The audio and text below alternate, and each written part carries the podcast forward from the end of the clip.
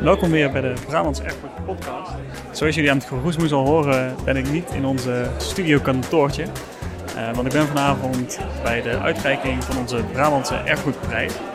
Een tweejarige prijs die we uitreiken aan een uh, interessant, spannend, vernieuwend erfgoedproject in Brabant. Uh, en de prijs bestaat eigenlijk uit 10.000 euro plus een begeleidingstraject van één jaar. En ik sta in de schitterende herbestemde kerk, de Petrus in Vught. Ja, waar we de avond beginnen daar met een diner en de uitreiking van de prijzen als, als hoogtepunt hebben. In totaal waren er dit jaar 56 aanmeldingen en die zijn door een vakjury teruggebracht op drie genomineerden. En vervolgens kon het publiek kon stemmen op die genomineerden. En de genomineerden dit jaar waren het Home Computer Museum in Helmond, de herbeleving van het schijnvliegveld De Kie en het project Hop van Altena. Nou ja, een van die drie heeft dus uh, gewonnen. En deze podcast is een beetje een verslagje van, uh, van deze avond. Dus we gaan zo even horen waarom we deze prijs uitreiken. Hopelijk willen mensen van alle kanshebbers eventjes langskomen om te vertellen wat ze precies doen. En nou ja, aan het einde horen we wie er gewonnen heeft. Sta hier bij mijn directeur Patrick Timmermans. Patrick, kun je kort vertellen waar we deze prijs uitreiken eigenlijk? Ja, waarom? Ja, uiteindelijk gaat het natuurlijk allemaal om erfgoed is mensenwerk. Het gaat natuurlijk allemaal om gemeenschappen of individuen die bezig zijn met fantastische werk met erfgoed in Brabant. Mensen die het vaak om niet doen, op vrijwillige basis. Niet omdat iemand ze zegt dat ze dat moeten doen. En dan komen ze met de meest fantastische initiatieven. Kijk naar de genomineerden vanavond, dat schijnvliegveld. Hop gaan telen weer in een nieuwe gemeenschap in de gemeente Altena een home computer museum, ook een gemeenschap van technici. Het gaat uiteindelijk om community. En uh, dat is de essentie volgens mij van erfgoed. Niet op zich alleen maar de stenen en de verhalen die erin zitten, maar vooral de stars, de mensen die zich daarmee bemoeien. Dus, uh, dat is eigenlijk het, het, doel van deze avond ook misschien. Die mensen een beetje in het zonnetje zetten ook. Ja, zeker. De mensen in het zonnetje zetten. En ook een beetje een uh, voorbeeld te geven ook aan andere clubs. Die zo van, oh, oh, dat je ook op andere manieren met erfgoed om kunt gaan. Natuurlijk is het fantastisch om een kerk te restaureren. Of een uh, museale collectie in stand te houden. Maar het gaat ook om dat je daar enigszins innovatief mee om kunt gaan. Of op een creatieve manier, op een moderne manier. Zodat je dat erfgoed ook weer kunt gaan doorgeven aan nieuwe generaties. Dat is een beetje ook de tweede achtergrond. Gemeenschap aan de ene. Aan de andere kant, dankjewel voor het drankje krijg van een collega. Blij, blijft een borrel dit. Ja, het blijft natuurlijk ook wel een beetje feest vandaag ook. Hè? Dus uh, ik uh, proost op de genomineerden en ik proost op uh, de winnaar, die ik nog niet weet. Dat doe ik, ja, precies. Ik ben heel benieuwd. We gaan het zien. Dankjewel. Yes, en ik sta hier met Bart nu van het Home Computer Museum, een van de drie genomineerden nog. Um, is het een spannende avond voor jullie? Ja, zeker een spannende avond. Het was al een grote verrassing dat we überhaupt genomineerd waren. Ja? Ja, vind ik wel. We zijn een, een, een, techniekmuseum. En een techniekmuseum wordt over het algemeen niet als erfgoed bepaald. En het feit dat we genomineerd waren was dus al een grote verrassing voor ons. En uh, dat we daarna ook nog zo ver zijn gekomen tot in de finale, ja, dat is natuurlijk uh, helemaal spannend. Ah, mooi. Want waarom, ja, waarom denk je dat dat normaal niet zo als, uh, als erfgoed gezien wordt? Dat het nog te nieuw is of zo? De exacte reden weet ik eigenlijk niet. Maar ik heb tot nu toe overal hebben wij problemen uh, of alle techniekmusea hebben problemen dat ze nergens als cultuur of erfgoed worden beschouwd. En uh, dat nu de provincie Noord-Brabant heeft gezegd, ja, jullie zijn dat wel, is voor ons al uh, echt enorm spectaculair. Mooi leuk om te horen, dat we de, de verwachtingen weerleggen eigenlijk. Um, en je bent ook de oprichter van het Home Computer Museum, vertelde je. Um, waarom, waarom heb je dat opgericht destijds? Uh, ik heb het opgericht omdat ik te veel computers had en mijn vrouw zei tegen mij, doe er eens wat mee. Hele, hele goed. En je wil ze niet verkopen of weggooien, denk ik. En, uh... ja, de exacte reden is um, dat ik een, um, als verzamelaar uh, bij de ja, aanwezige musea in, in Europa, ben er bij een aantal geweest. En nergens voelde het als een goed museum. Ik kwam daar binnen en het voelde meer als ik ga een collectie bekijken, maar verder niks. En ik was ook na 10 minuten klaar. En dan ben ik hun doelgroep. Ik ben de verzamelaar. Ik ben de liefhebber van de oude computers. En uh, met dat in uh, gedachten genomen en het feit dat ik iets ja, interactiefs wilde neerzetten, uh, hebben wij het Homecomputer Museum eigenlijk. Dat is het, idee, het oorspronkelijke idee van het Homecomputer Museum. Het is eigenlijk omdat je het als, als liefhebber van oude computers een gat in de markt, gat in de markt vond. Ja, precies. Dat was exact wat ik, wat ik dacht wel heel gaaf dat je dan denkt, oh, dat doe ik het zelf wel. Ja, precies. Dat is exact wat er gebeurde. Dan doe ik het zelf wel. Als niemand anders doet, doe ik het wel. En uh, daarbij wilde ik ook, uh, was voor mij heel belangrijk dat ik ook mensen met een uh, autisme spectrumstoornis kon helpen. Ehm, dat ik dat in mijn, in mijn normale werk eh, kwam ik dat heel veel tegen. En ik zag ook dat dat eh, een probleem was dat mensen daar niet eh, goed behandeld werden. En ja, mijn verleden, ik, ik ken vanuit het verleden heel veel mensen met een autisme spectrumstoornis. En sommigen zijn goede vrienden van mij. Uh, en ik zag dat die mensen nergens goed werden behandeld. Dus eigenlijk was dat ook meteen een, een bijkomend voordeel. Dat ik eindelijk iets kon doen voor die mensen die eigenlijk nergens zichzelf thuis voelen. Je hebt dan niet alleen dat museum opgericht, maar ook echt specifiek um, ja, dingen gezocht waarmee je die uh, mensen met autisme spectrumstoornis uh, kon helpen. Ja. Heb je daar voorbeelden van? Uh, nou ja, we hebben, wij hebben op dit moment een dagbesteding. Wij hebben sinds kort negen mensen in de dagbesteding. we hebben heel veel mensen die in een werkfit traject zitten. Dus die komen, zijn in een, uit, uit het werkomgeving gevallen ergens. om, om diverse redenen. Hebben uiteindelijk een keer een label gekregen van oké, dat is autisme spectrumstoornis. En worden daarna vervolgens weer begeleid om terug te keren naar het normale werk. En daarin doen wij dan ook hun helpen. Maar bij ons gaan we gewoon leren om weer normaal te functioneren. Een bepaalde tijd aanwezig te zijn, opdrachten te voldoen en dergelijke. Weer een beetje te wennen als het ware aan, een, uh, aan het tussen aanhalingstekens gewone werkzame leven. Ja, precies. Dat is wat wij uh, wat we doen. Um, ja, dat is eigenlijk. Uh, daarnaast dan ook uh, dagbesteding. Want er zijn ook heel veel mensen die gewoon over het algemeen niet, uh, niet kunnen werken. En uiteindelijk via dagbesteding hopen ook weer terug te keren in de maatschappij.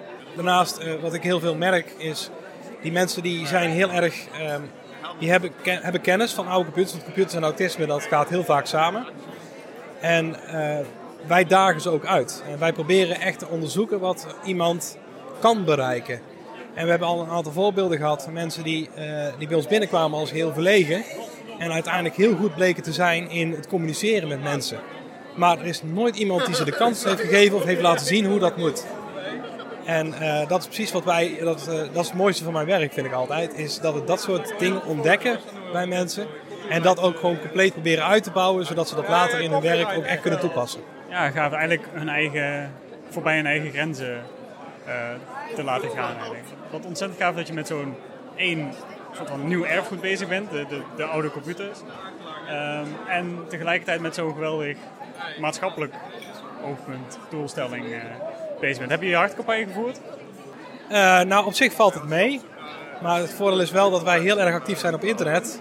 En sites als uh, Tweakersnet achter ons hebben staan. Dus ja, daar hebben ze een linkje geplaatst naar ons. Dus ik, hopelijk heeft dat wat, uh, wat opgeleverd dan. Heel erg uh, bedankt en uh, nou ja, ik, ik, wil zeggen succes, maar het, het, het, is al gebeurd als het ware, de stemmen, dus we gaan het zo horen. Ja, ik ben erg benieuwd.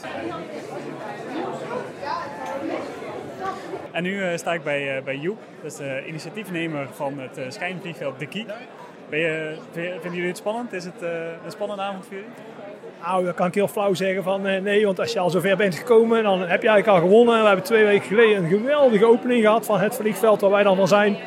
Ja, 2.000, 3.000 man is op afgekomen, mooi weer, schitterende opening gehad. Commissaris van de Koning, de Duitse ambassade was er namens Nederland en Duitsland, hebben ze een boom geplant. Kon niet op, maar ik moet wel eerlijk zeggen, als je dan helemaal hier bent, denk je toch een beetje kriebels in je benen, knikkende knieën. En dan denk je toch van, oeh, eigenlijk toch wel leuk als je kunt winnen. Want ja, dat willen we uiteindelijk toch allemaal. Als je, als je toch genomineerd bent en dan op de avond zelf bent, dan wordt het toch wel spannend. Inderdaad, zeker. Um, kun je even kort uitleggen wat jullie, uh, wat jullie project is? Nou, we hebben een uh, schijnvliegveld uit de oorlog hebben wij uh, eigenlijk laten herbeleven. Het schijnvliegveld was eigenlijk de afleiding van Gilserijen.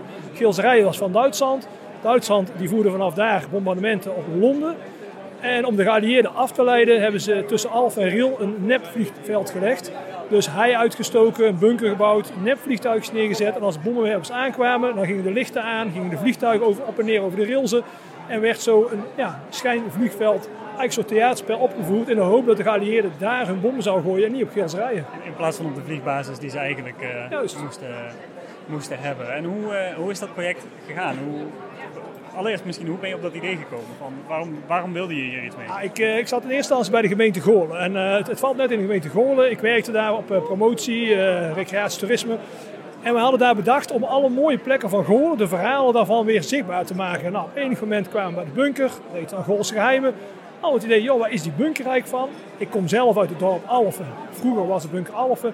En toen dacht ik al heel snel, wel, ik ging hier vroeger al spelen. En met de Goorlse Geheimen kwamen we erachter dat het schijnvliegveld was. Dus toen vanuit het werk had ik in eerste instantie bedacht van nou, daar moeten we ook een bordje bij plaatsen, net zo bij de molens, de grafheuvel.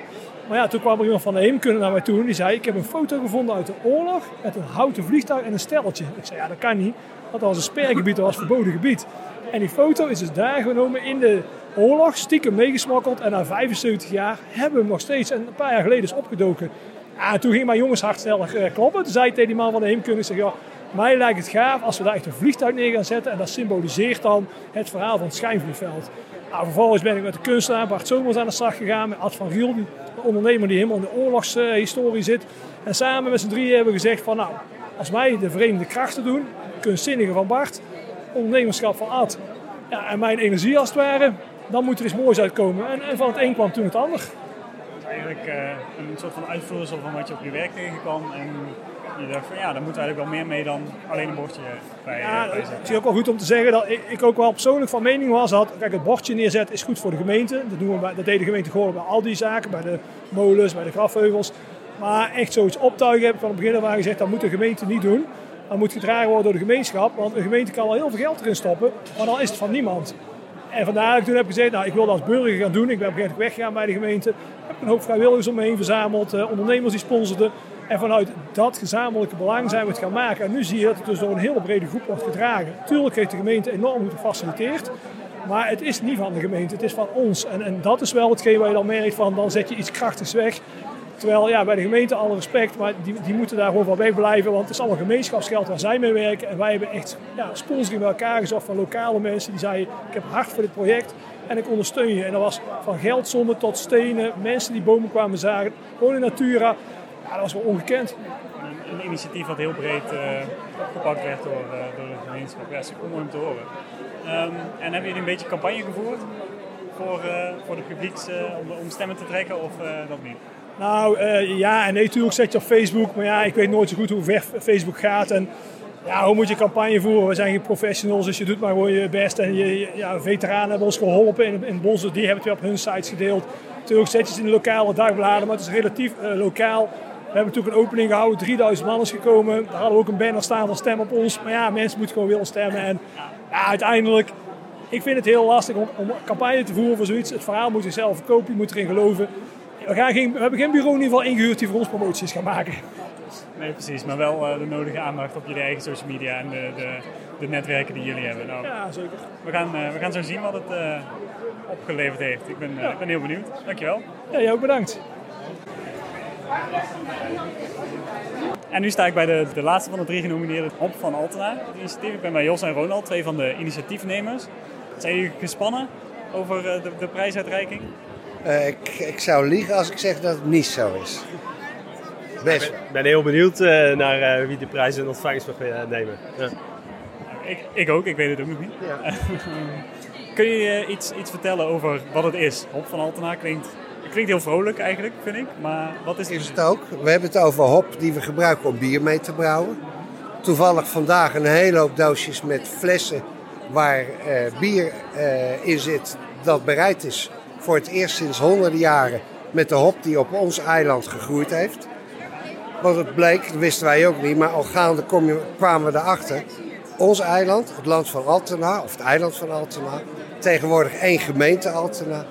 Die uh, was uh, vanaf de middeleeuwen, toen ze ontdekten dat je met hop bier kon bebouwen, daar kwam de meeste hop vandaan. De eerste, wij waren de eerste die de, de brouwers in Holland, in België, zelfs in Engeland enzovoort van hop voorzagen om hun bier te, te kunnen bewaren. Dus niet alleen in zeg maar, de Nederlanden of de lage landen, maar ook zelfs Engeland en, en daarbuiten? Die, die hadden allemaal niet in de gaten. Wij waren de eerste waar dat echt zo op grote schaal gedaan werd. En dat had ook met industrie, sorry, opkomst van de steden te maken. Uh, en uh, ja, in die tijd had je geen koffie, geen thee, geen cola en andere dingen. Dus het enige wat je kon drinken was of water uit de sloot, en daar ben je ziek van. Of je dronk bier.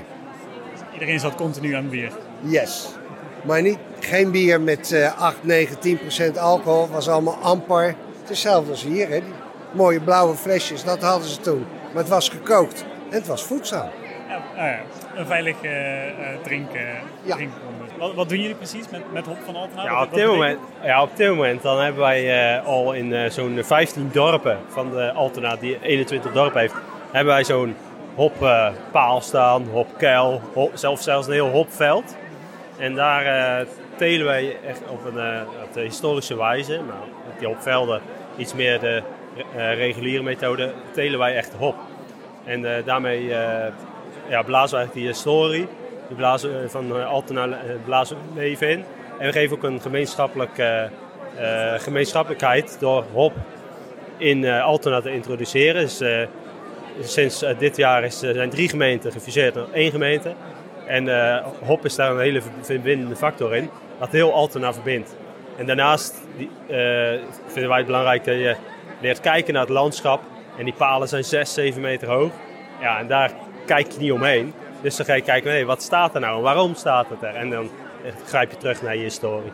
Dus die, dat was een opbouw die al nou, vroeg begon, maar die eigenlijk helemaal verdwenen was uit het uh, gebied dus. En die jullie nu weer aan het herintroduceren. En dat betekent dat eigenlijk ook gewoon echt het landschap verandert. Omdat die ja, palen erbij klopt. komen. En het is goed voor de biodiversiteit. Het is goed voor de samenhorigheid, want het is best arbeidsintensief. En we weten vanuit de overlevering dat echt hele gezinnen, hele buurten, hele streken met elkaar hielpen om die hop te onderhouden en te oogsten. Nou, dat willen we heel graag weer terugbrengen omdat Beren gezellig is en omdat heel lekker bier oplevert. Dus mensen, kunnen zich, uh, mensen uit Altena en de, de, de wijde omgeving kunnen zich aanmelden om een keertje mee te helpen met, nog uh, verder, met, met hulp plukken. Nog verder, over tien jaar weet ik zeker, als je in Nederland zegt hop, dan zegt iedereen Altena. Want dan komt iedereen plukken en die vindt het zo geweldig en die komt biertjes drinken en die komt feesten als de hop binnen is. Dan maken we echt iets van, hè, dan gaan nu mensen naar Frankrijk. Hé, hey, hoe CO2-neutraal kan je dat doen? gaan daar zo druiven plukken. Nee, je moet bij ons hop komen oogsten. En dan een, echt je eigen bier uh, drinken straks. 21 verschillende bieren gaan we ervan maken. Iedere kern krijgt een eigen uniek bier. Dat is uh, ambitieus. Ik ben heel benieuwd. Ik ben ook heel benieuwd hoe het gaat smaken, dat bier. Ja, nou, moet je voor langskomen. September volgend jaar. Dan uh, kan, je, kan je ze komen plukken. En oktober, november, dan kan je ze allemaal komen proeven. Nice. Um, ik ga het in mijn agenda zetten, denk ik. En um, hebben jullie een beetje campagne gevoerd om, om stemmen te trekken? Of, ja, uh... natuurlijk hebben we ons best gedaan. Maar uh, het werd ook wel direct opgepikt door, uh, door de, ja, de plaatselijke media. En dat is wel heel leuk dat je al ziet dat alleen die wedstrijd al, ook al weet je hem niet of wel, dan dat je gewoon al heel veel publiciteit genereert voor het erfgoed. En dat is wel, dat is wel heel mooi om te zien voor de, jullie nominatie voor de, echt al, als de een van de laatste drie is, ook, heeft ook echt al gezorgd voor extra aandacht. Ja, zeker. Ja, ja. mooi om te horen. Ik ben heel benieuwd. Eh, we gaan het, uh, we gaan het daar horen. Spannend. En als ik dus hop zeg, dan zeg jij? Van Altena dus. Heel goed.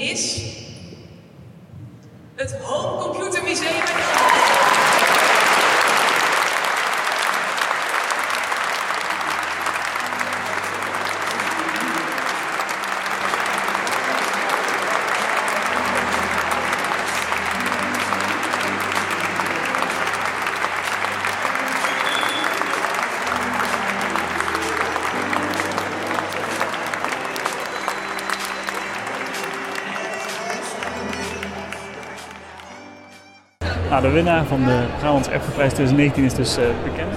Het uh, Home Computer Museum in Helmond. Um, ja, ik denk dat het hier in Vught, uh, in de, de Petrus, in de kerk nog lang onrustig gaat blijven. Maar wil je nog een andere podcast horen van de Brabants Erfgoed podcast, ga dan naar brabantserfgoed.nl slash podcast. Um, wij gaan hier naar de borrel en ik denk dat jongens van het Home Computer Museum en meisjes heel erg blij zijn met hun, met hun prijs en er ook nog wel een gezellige avond van maken.